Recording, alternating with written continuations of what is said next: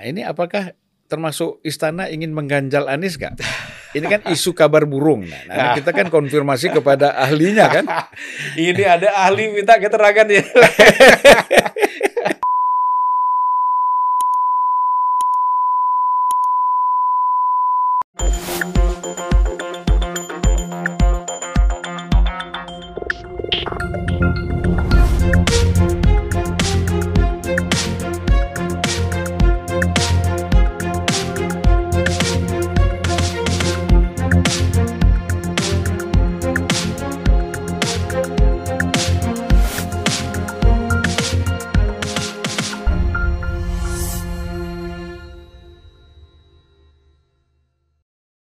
Bismillahirrahmanirrahim.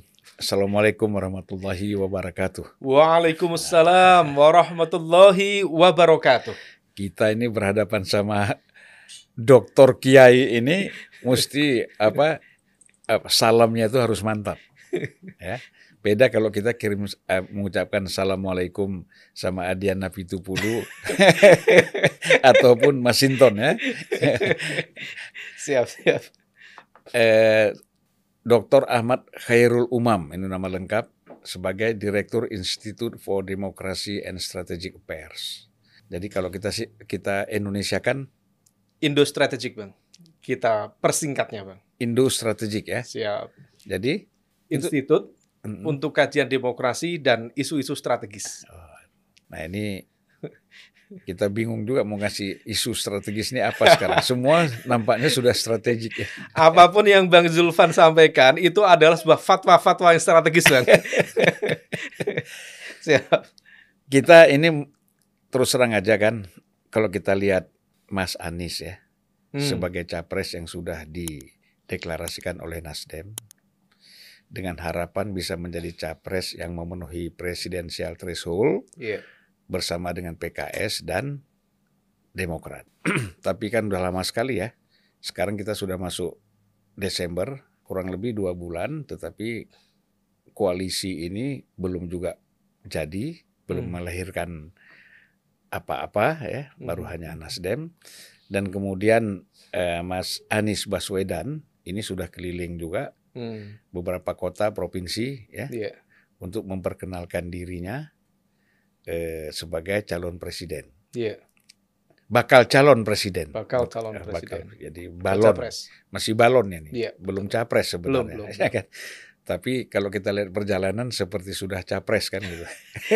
Heboh, gegap gembita. Iya. Iya, iya. Nah, ini kan pasti terus terang orang kan nanti misalnya ya kita kan nggak tahu. Bisa saja kalau Demokrat dan PKS tidak berkoalisi dengan eh, Nasdem. Nasdem, maka bisa jadi Mas Anies ini tidak bisa menjadi capres, yeah. kan gitu. Atau bisa jadi juga dari partai lain yang ingin berkoalisi dengan Nasdem di luar eh, PKS dan Demokrat. Demokrat. Hmm. Ini bagaimana, eh, Mas Umam melihat ini? Iya. Uh, pertama terima kasih Bang Zulfan atas uh, undangannya Bang. Ini iya. kesempatan yang luar biasa. Sebenarnya saya di sini tidak ingin ini Bang. Tidak ingin uh, menyampaikan apa-apa, betul-betul ngangsu kawruh ini. Ingin berguru sama Bang Zulfan. Dan yang kalau misal langsung pertama, isu pertama straight to the point hmm. soal Mas Anies ini. Nah, sebenarnya Mas Anies itu yang dibutuhkan saat ini satu ini, yaitu restu politik dari seniornya Bang Zulfan Lindan. Karena bagaimanapun juga Bang Zulfan itu kemarin adalah tokoh yang cukup influential, cukup hmm. berpengaruh di dalam dinamika awal yeah. Iya. uh, penentuan Anies Baswedan kapan mau dideklarasikan. Uh, deklarasikan ya yang paling leading ngelit isu itu ya memang Bang Zulfan diakui atau tidak meskipun ada konsekuensi oke tapi saya, saya tetap uh, apresiasi uh, atas inisiatif dan juga keberanian Bang Zulfan nah terkait dengan itu Bang uh, hmm. saya ingin menyampaikan beberapa aspek Bang hmm. memang kalau misal kita lihat dari basis uh, data longitudinal Bang ya hmm. uh, dari rentang 2019 sampai kemudian hari ini memang di posisi tiga besar itu masih diduduki oleh tiga nama, Bang. Ya. Pertama eh, Ganjar Pranowo, kedua Prabowo Subianto, Mhm. dan yang ketiga adalah Anies Anies Baswedan. Baswedan. Tetapi kemudian ketika ada satu momentum politik di mana eh, konon ada operasi politik Mm, yang dijalankan oleh seorang menteri senior mm, yang kemudian mampu mendeklarasikan sebuah koalisi mm, yang bernama KIB mm, pada momentum bulan Juni yang konon juga ini sudah dikonsultasikan secara intens dengan Presiden Joko Ya. Widodo, mm, maka kemudian terjadi akselerasi elektabilitas cukup signifikan. mm, Nah, di basis data longitudinal kita, peningkatan signifikan seorang Ganjar Pranowo waktu itu sudah posisinya crossing. mm. Dia bisa menyalip eh, elektabilitas Prabowo, Ya. bisa menyalip elektabilitas Anies Mm, pada momentum Juni. mm, Dan di bulan Juni itulah Ganjar Pranowo dideklarasikan secara tidak langsung karena waktu itu informasi spekulatif mengatakan ini adalah skoci politik mm. yang disiapkan istana untuk mengusung dia. Ya. Meskipun akhirnya KIB sendiri kemudian galau Bang Ya. ketika Ketua Umum PDIP Bu Megawati Soekarno Putri menyampaikan ultimatum secara jelas Mm, tidak boleh ada yang bermanuver. Ber- Siapa yang bermanuver Ya. out gitu kan Bang. Nah, akhirnya goyah semua. Nah, kemudian proses berjalan. Nah, pada momentum yang kemarin Bang Zulfan sampaikan akan ada deklarasi dan betul, kemudian Hmm. Mas Anies dideklarasikan Ya. oleh Partai Nasdem, Nasdem. partainya Pak Surya Paloh. Ya. Dari rentang tiga bulan terakhir ini, Bang, Ya. praktis dari September, Oktober, November, memang kemudian ada satu lonjakan tersendiri. Di sini ada crossing baru, Bang. Mm, Kalau tadi di basis Juni itu Ganjar, Prabowo, mm, Anies, maka di momentum mulai bulan eh, September, Oktober, November, mm, sekarang kita di posisi di awal Desember. Iya. Posisi pertama memang betul masih ditempati oleh Ganjar Pranowo Ganjar, mm, di angka kurang lebih 28 sampai Hmm. 30 persen. Kemudian di posisi dua yang asalnya ditempati oleh Pak Prabowo, mm, justru Pak Prabowo mengalami penurunan cukup Hmm. signifikan. mm, Dia berada di rentang angka antara 20 sampai 23 persen Ya. dan Mas Anies melakukan crossing eh, Hmm. dengan elektabilitas Pak Prabowo dengan posisi di nomor dua mm, sehingga Ganjar, Anies, Prabowo. Ya. Nah ini yang kemudian menunjukkan ada satu tren baru bang. Tren pertama adalah kalau kita lihat rentang tiga bulan terakhir, elektabilitas Pak Ganjar itu ternyata mengalami stagnasi. mm, Tetapi di saat yang sama, elektabilitas Anies mengalami akselerasi. mm, Sedangkan elektabilitas Pak Prabowo mengalami eh, penurunan atau regresi mm, yang cukup eh, signifikan.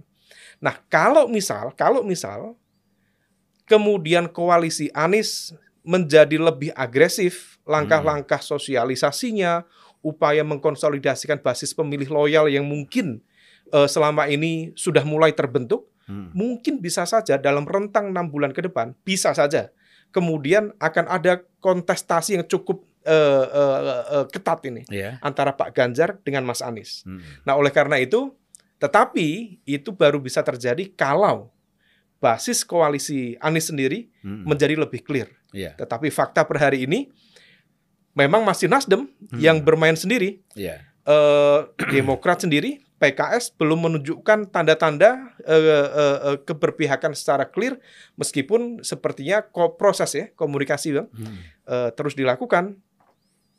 Tetapi yang diharapkan oleh mereka adalah ketika kemudian mampu mendeklarasikan itulah Hmm. momentum penting untuk melakukan akselerasi elektabilitas menuju 2024 mendatang. Kalau kita lihat ya, apakah pendeklarasian Anies sebagai capres oleh Nasdem itu mungkin dianggap terlalu cepat? Banyak yang menganggap terlalu cepat, terburu-buru. Ya. Nah ini buat Anies sendiri menguntungkan atau tidak? Ya, kalau terkait dengan itu, Bang, mungkin ada yang mengatakan bahwa deklarasi lebih cepat itu kemudian membuka ruang tembak yang terbuka. Hmm. Justru logika kita balik, Bang.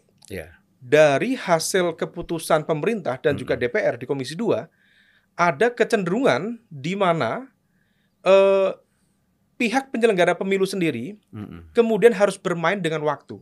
Mm. Ada pembatasan ruang kampanye yang Hmm. ternyata sekarang hanya 75 hari, Bang. Ya. Dan untuk mensosialisasikan nama baru itu tentu sangat challenging. Ya. Nah, oleh karena itu, diakui atau tidak, deklarasi lebih awal, apalagi nama baru, masih fresh, maka akan lebih baik dideklarasikan sejak awal. Hmm. Tetapi pada saat yang sama, deklarasi capres saja, Bang, tidak cukup rasanya. Ya. Sebaiknya, ini kan koalisi kan belum belum clear nih Ya. bentuknya. Dan kalau misal kita tangkap dari sejumlah informasi spekulatif, kabar Hmm. burung nih, Bang, kabar Hmm, burung. Kabar burung. entah burung hut-hut atau burung Ya. apa ini cendrawasih kan nggak tahu tapi kabar burung mengatakan memang eh, basis koalisi yang belum clear itu Hmm. lebih ditentukan oleh belum jelasnya komposisi siapa capres yang mendampingi Mas Anies. Hmm. Di sisi lain bagaimana kemudian portofolio dari pemerintahan yang akan datang. Portofolio itu konteksnya Hmm. pembagian kue kekuasaan. Itu kan harus clear, Bang. Ya. Karena dalam konteks koalisi, akadnya itu harus jelas. Anda dapat apa? Who gets what? Hmm. Eh, dalam konteks ini harus dijelaskan. Ya. Supaya kemudian tidak ada yang merasa ditinggalkan. Anda dapat elektabilitas besar. Hmm. Kita dapat apa? Nah, proses komunikasi itu yang tampaknya masih belum terbangun secara clear Hmm. dan belakangan kalau misal kita lihat sepertinya Nasdem sendiri cukup asik gitu dengan bermain sendiri. Nah, saya jadi agak ini ini Ya, ini ya. cukup menarik. Ini Hmm. kenapa Nasdem eh, justru kemudian eh, tidak mencoba untuk eh, mempercepat proses pendeklarasian koalisi Ya. Nasdem, Demokrat, PKS, Hmm. tetapi justru terlihat lebih sure bermain dengan Ya, eh, eh, eh, diri sendiri. Ya. Bisa saja sejumlah pihak mungkin berspekulasi. Sepertinya Nasdem sedang mencoba berikhtiar Ya. untuk menyelamatkan elektabilitas partainya yang Mm. belakangan mengalami tren Ya. penurunan elektabilitas. Tetapi pada saat yang sama, Mas Anies juga harus berpikir strategis. Hmm. Kalau dia tidak melakukan percepatan, maka momentum itu, termasuk tadi sosialisasi, itu kemudian bisa berkurang. Meskipun ada yang mengatakan ini permainan sepihak saja. Hmm. Di satu sisi, misal teman-teman Nasdem mencoba untuk mengakselerasi elektabilitas, Mas Anies sendiri, kalau misal kemudian nanti tidak mendapatkan eh, basis dukungan 20% presidential threshold, Hmm. dia masih bisa punya ruang permainan sendiri, yaitu di DKI Jakarta pada Pilkada 2024. Hmm. Artinya apa? Nah, ini ini bermain sendiri ini ini menjadi pertanyaan sepertinya Hmm. bagi teman-teman di eh, Demokrat, di PKS. Ya, ya. Kenapa tidak dipercepat? nah, Iya. ini perlunya nasihat dari Bang Zulfan ini. Ya kalau saya sendiri kan sebenarnya sama ya, melihat menyayangkan ya Hmm. dengan memunculkan Anies dengan label Nasdem gitu loh. Oh, Ah, ini aja udah angle ini. headline ini, headline. ya, ya jadi sebenarnya eh, lebih bagus kan Anies yang di depan, Iya, ya kan, iya. label Nasdemnya itu nggak usah ada. Nah jadi ya kata orang bilang itu kok kentara sekali mainnya kan gitu, Iya. hanya Iya. untuk sekedar meningkatkan elektabilitas. Iya. Nah nanti saya nggak boleh komen nih, saya host. kalau saya lanjut dong, lanjut dong. saya kalau saya komen panjang nanti waduh ini nggak jelas siapa yang jadi narasumber siapa yang hostnya Ya tapi tapi yang disampaikan Bang Zulfan tadi cukup relevan. Eh, artinya Hmm, dalam sebuah koalisi Bang, koalisi Hmm. itu akan solid ketika elemen-elemen atau stakeholders di dalamnya Hmm. itu tidak ada yang mendominasi, hmm, tidak ada yang kemudian menentukan eh, eh, eh, permainan secara sepihak. ya. Harus adil, harus Hmm. rata. Baik itu dalam konteks eh, elektabilitas. Ini Iya. kan misalnya teman-teman Nasdem, ini capresnya Nasdem. Hmm, Tentu kotel efeknya diharapkan juga akan lari lebih banyak ke eh, Partai Nasdem. hmm, Tetapi kemudian mitra koalisi yang lain seperti apa? ya. Misalnya P3 kalau misal mau gabung, Demokrat mau gabung, kemudian PKS mau gabung. Ini harus ada pembagian secara adil, bukan hanya konteks logistik Bang ya, Ya, ya. bukan hanya itu, tetapi harus difikirkan secara equal, secara fair. Kalau misal kemudian ada rasa fairness di sana, Hmm, maka mutual understanding dan juga mutual trust dalam sebuah koalisi itu bisa terbentuk. Kalau tidak bisa terbentuk, Bang, hmm. most likely besar kemungkinan sebuah koalisi akan rapuh, Bang. Ya, jadi sebenarnya eh, Demokrat dengan P- PKS ini sudah bisa memberi kartu kuning untuk Nasdem. Hmm. Ya. itu ya kan? Iya benar. Mantap. Jadi judul ini. Judul harus dari narasumber. ya. Tapi kalau narasumber mengiyakan harus bisa Oh, bisa jadi judul. Betul itu, betul sudah. ya kan? Udah. Pokoknya kalau yang disampaikan Bang Zulfan udah insya Allah sahih. Udah. Ya karena kan nggak boleh jalan sendiri. Kita harus betul, betul. artinya betul. tim yang dibentuk belum selesai ya. Iya. Kemudian ini sudah melakukan langkah-langkah yang menurut saya tentulah eh, baik elit Demokrat ataupun PKS itu sebagai ya, dari segi manusiawi ya Iya. ada ketersinggungan kok ini jalan sendiri kok kita nampaknya ditinggal ini. Iya. Iya. Nah memang Iya. eh, apa orang itu bisa lupa Hmm. ya kan orang itu bisa lupa pertama kelupaan pertama ketika Nasdem ingin membuat misalnya eh, apa dulu konvensi Hmm. Ya kan? Iya. konvensi itu tidak bisa tidak bisa dilakukan karena Nasdem tidak mencukupi 20%. Betul. Kalau betul. waktu 2004 Golkar itu kan memang belum ada threshold Betul. ya, Iya. itu bisa saja Golkar sendiri gitu Iya, iya. atau siapa pun bisa sendiri. Iya. Nah, jadi kemudian sekarang sebelum ada juga memenuhi threshold 20% Iya. sudah jalan sendiri gitu loh. Iya. Eh, iya, dia lupa iya. nih. Ah, mudah-mudahan kita ini kan untuk mengingatkan Nasdem. Eh, Iya. jangan terlalu maju, Iya, lihat-lihat iya. ke belakang sedikit, jangan lihat Iya. ke depan aja kan Iya. gitu. Ah, Betul bang, betul bang. Eh? Jadi kalau dalam tradisi eh apa namanya keagamaan itu kan kalau sholat jamaah itu Ah. kalau ada imam ya. dan imamnya dirasa kemudian melakukan kesalahan atau kurang pas, Ah. memang makmum itu sebaiknya mengingatkan bang. Ya. Nah itu diajarkan di Hmm. dalam konteks muamalah itu. Ya. Dalam berpolitik sama bang. Kalau dalam bahasa bang Son kartu kuning, nah itu artinya apa? Ini bukan sebuah peringatan yang kemudian Ya. menciptakan eh, distrust, bukan. Tetapi mengembalikan kepada hitoh Mm-mm. koalisi Ya. bahwa sebuah koalisi memang sebaiknya sepatutnya dibangun di atas matra mutual dis- eh, mutual trust, Hmm. mutual understanding.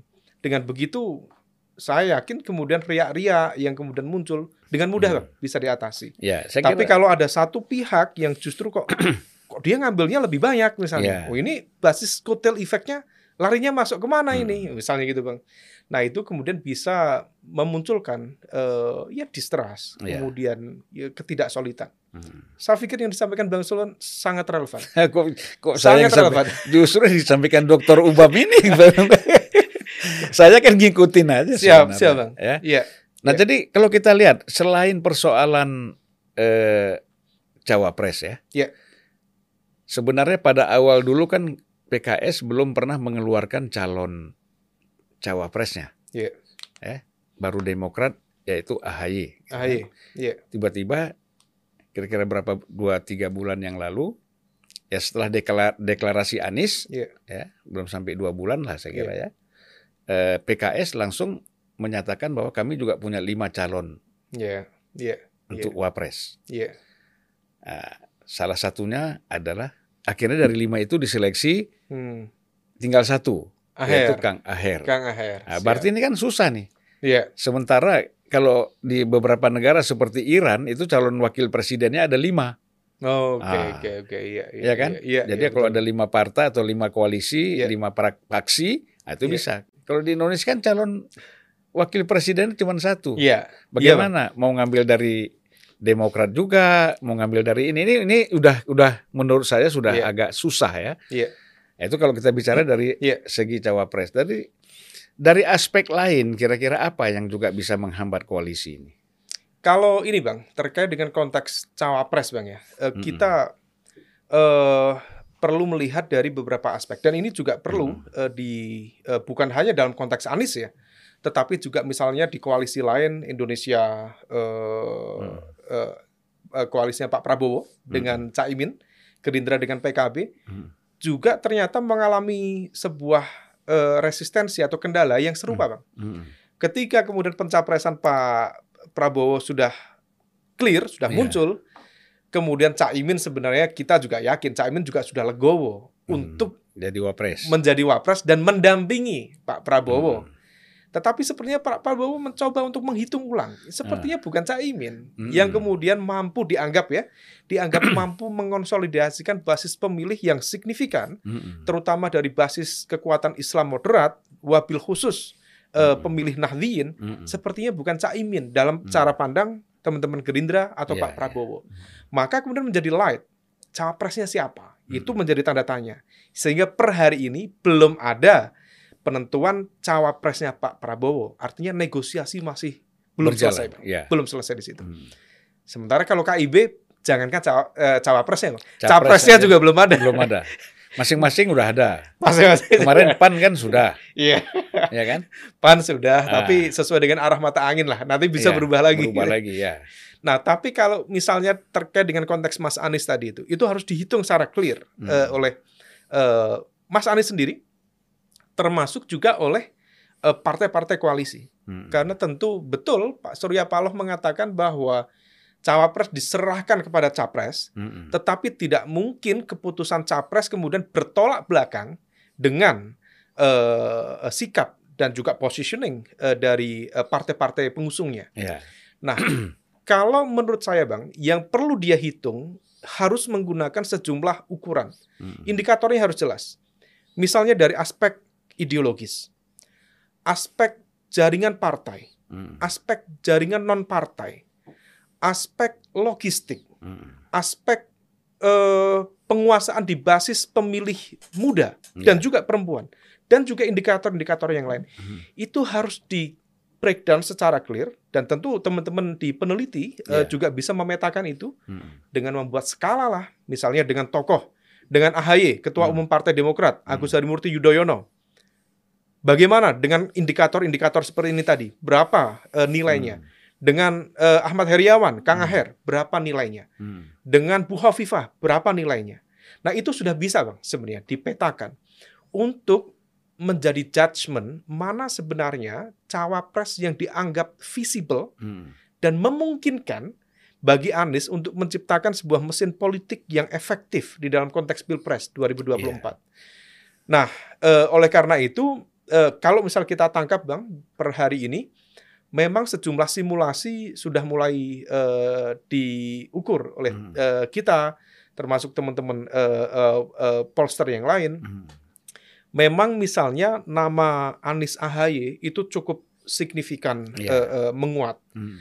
Kemudian ada juga Anies Aher, betul. Kemudian ada Anies Hovifah termasuk Anies Andika. Mm. Tetapi kalau misal kita lihat data dari kami sendiri di Indo Strategic, Mm. kemudian eh, sempat kemarin eh, SMRC merilis, kemudian eh, sejumlah lembaga-lembaga survei itu mensimulasikan hampir semuanya pasangan yang disimulasikan adalah Anies AHY. Ya. Nah, oleh karena itu, eh, kalau misal memang sudah mengarah seperti itu, memang ada baiknya segera diselesaikan supaya supaya proses sosialisasi tadi Ya. tidak kemudian berada di ujung 75 hari kampanye itu.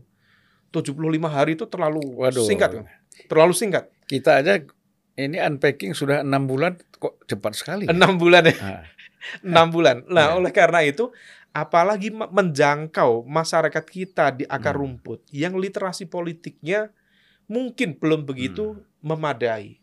Maka betul-betul proses deklarasi pembacaan di fase awal, Hmm. pematangan materi dan juga deklarasi memang sebaiknya eh, dilakukan secara cepat, mm. clear. Karena apa? Karena ini juga bisa memberikan kepastian, Bang Mm. di internal koalisi sekaligus dalam konteks eksternal juga bisa membantu proses sosialisasi. Iya. Saya pikir itu, Bang. Nah kalau kita lihat misalnya ya, bisa saja Anies ini kan gagal Iya. menjadi capres. Iya. Ya. Bisa juga dia akan eh, diambil oleh partai lain misalnya, koalisi lain lah. Kita kan Hmm. Nggak tahu. Iya. Kemungkinan kan ada saja dalam politik kan. Iya, Nah, iya.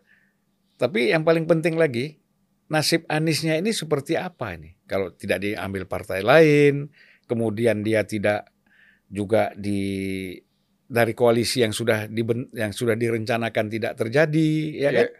Bagaimana kira-kira Mas melihat persoalan Anies ini ke depan? Memang politics is all about possibility, Bang. Ya, Semuanya mungkin, Iya. tidak ada yang tidak mungkin. benar. Dan keselamatan seorang politisi bukan hanya ditentukan oleh dinamika politik, Hmm. tetapi juga bagaimana kemudian manuver-manuver lawan yang mungkin bisa Hmm. menyelamatkan, di sisi lain juga Hmm. bisa menghantam keselamatan yang bersangkutan. Bisa melalui operasi politik penegakan hukum, Hmm. bisa melalui eh, apa namanya eh, cyber attack, apa pun bang. Hmm. Nah, kalaupun terkait dengan itu, rasanya sepertinya tentu masing-masing membaca bang ya. Mas Hmm. Anies mungkin juga eh, mencoba dia eh, untuk mensimulasikan itu top eh, kategori dia bisa berlaga di pilpres 2024. Iya. Tetapi kembali lagi, kalau misal kemudian ada proses eh, operasi politik yang kemudian tidak Hmm. memungkinkan bagi dia untuk maju di pilpres 2024, Hmm. maka masih ada satu zona permainan baru yang sebenarnya melanjutkan sebelumnya, yaitu di pilkada 2024 di DKI Jakarta. Kalau dilihat dari komposisinya, Nasdem bisa mencalonkan di Ya. eh, DKI dan eh, kalau misal kita lihat peta politik lokal DKI, sejumlah partai-partai eh, lokal seperti P3, Hmm. termasuk mungkin juga PKB dan juga Demokrat sendiri, Iya. apalagi PKS, mungkin juga bisa memberikan ruang bagi dia untuk bermanuver di DKI Jakarta. Meskipun, meskipun dengan catatan adanya posisi penjabat kepala daerah selama rentang akhir 2022 sampai akhir 2024 Hmm. berpotensi kemudian menutup prestasi dan capaian-capaian Anies selama lima tahun sebelumnya, sehingga kemudian direduksi oleh penjabat kepala eh, daerah yang baru, Mhm. Pak Heru, Pak Heru Budi. Nah, itu yang kemudian tergantung seberapa efektif mesin politik dia untuk bisa memainkan kartu di situ. Hmm. Gitu. Nah tadi kan kita lihat ada persoalan siapa yang mengganjal ya. Ya. Nah ini apakah termasuk istana ingin mengganjal Anies gak? Ini kan isu kabar burung. Nah, nah, kita kan konfirmasi kepada ahlinya kan. Ini ada ahli minta keterangan ya. ini bukan tanya ini, ini antara investigasi. bang, ya tentu Bang Zulfan lebih paham itu. Hmm.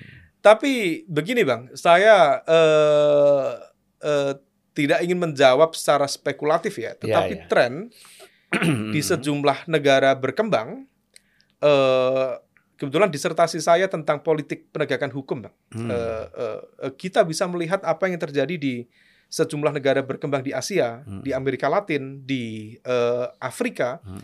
yang juga melakukan proses reformasi dengan basis mazhab neoliberal, Hmm. di mana kemudian menjalankan proses demokratisasi, market Hmm. liberalisasi, termasuk juga mengadopsi eh, reformasi institusional. Hmm.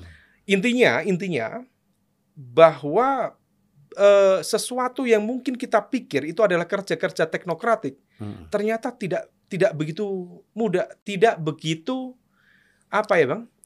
Nggak Mul- begitu gitu amat. Iya. Artinya dinamika itu sangat light. Hmm. Orang bisa menjalankan sebuah pemerintahan, Iya. tetapi pada saat yang sama dia bisa diganjal Hmm. oleh elemen-elemen kekuatan yang lain dengan cara menggunakan penegakan hukum. Iya. Sepertinya penegakan hukum biasa, tetapi muatan-muatan politiknya tidak bisa di eh, eh, apa namanya this inevitable. Makanya sering kali saya menyampaikan everything is constructed by politics Hmm. and all of uh, uh, all but politics is struggle for power Hmm. and the ultimate kind of power bang is a violence. Puncak dari sebuah perebutan kekuasaan itu Hmm.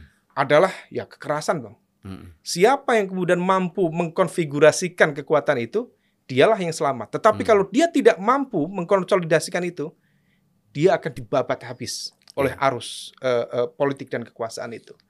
Nah, itu terjadi di banyak negara, Bang. Dan di Indonesia bisa jadi, Bang. Bisa jadi. Artinya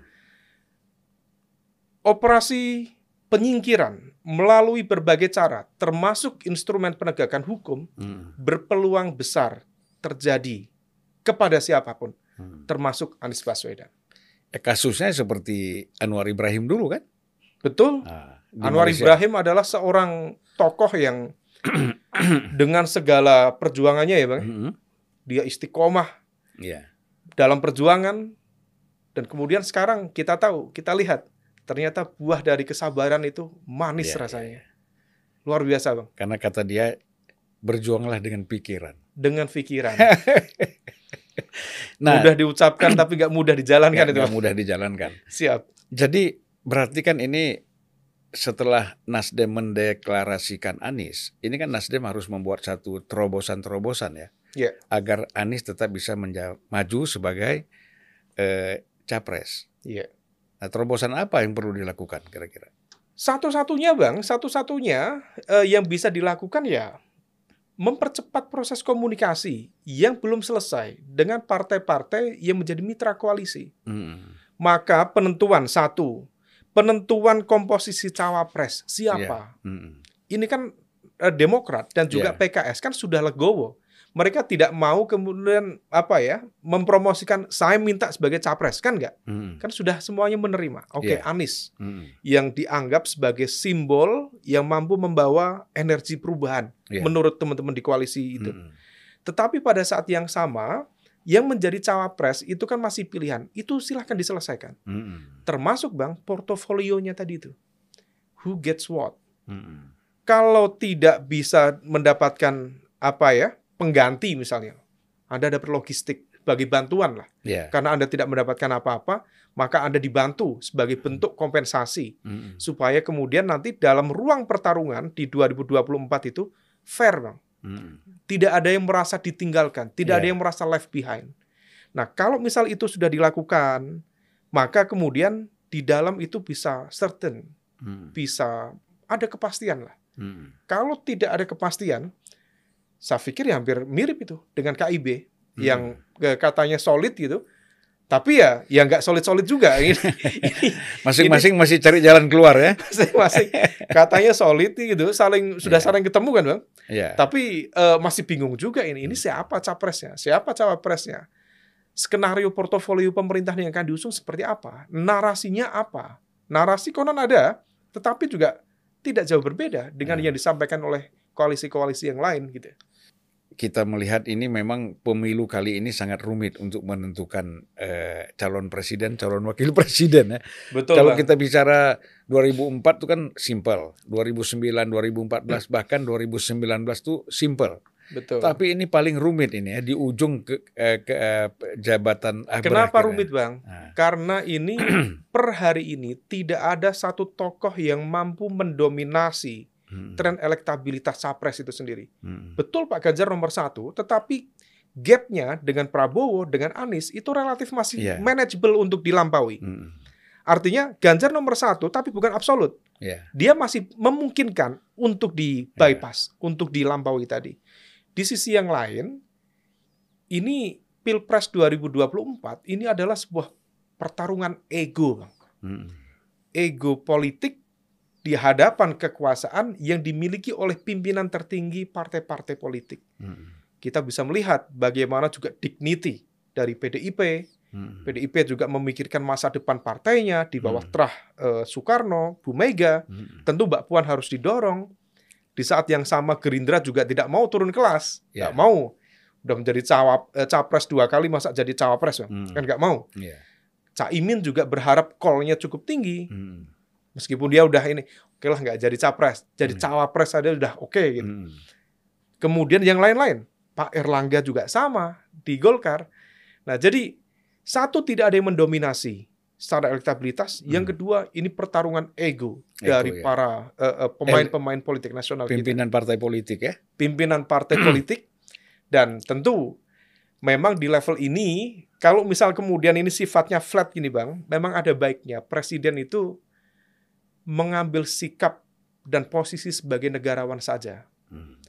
Berarti di sini istana tidak perlu terlalu ikut campur ter- soal siapa yang menjadi capres-capres. menurut saya demikian bang Hmm. kenapa karena dengan berposisi sebagai negarawan Pak Jokowi akan lebih arif dan bijak bang Hmm. untuk berdiri di atas semua yang Mm-mm. berkontestasi, yang berkompetisi. Sehingga kemudian tidak ada yang merasa dianakmaskan Hmm. dan eh, ya ini kan politik. Eh, kalau misal kemudian nanti yang menang misalnya tidak eh, bukan pihak yang didukung oleh Pak Jokowi misalnya, tentu juga tidak ada resiko politik bagi beliau. Nah, oleh karena itu ini menjadi sebuah catatan. Kenapa itu penting? Ini aspek demokrasi, Bang ya. Kalau presiden memang secara aturan tidak ada yang melarang. Mm -hmm. Kita lihat Undang-Undang Nomor 7 tahun 2017 tentang pemilu, toh juga sudah memberikan ruang presiden itu untuk berkampanye. Artinya mm -hmm. boleh. Yeah.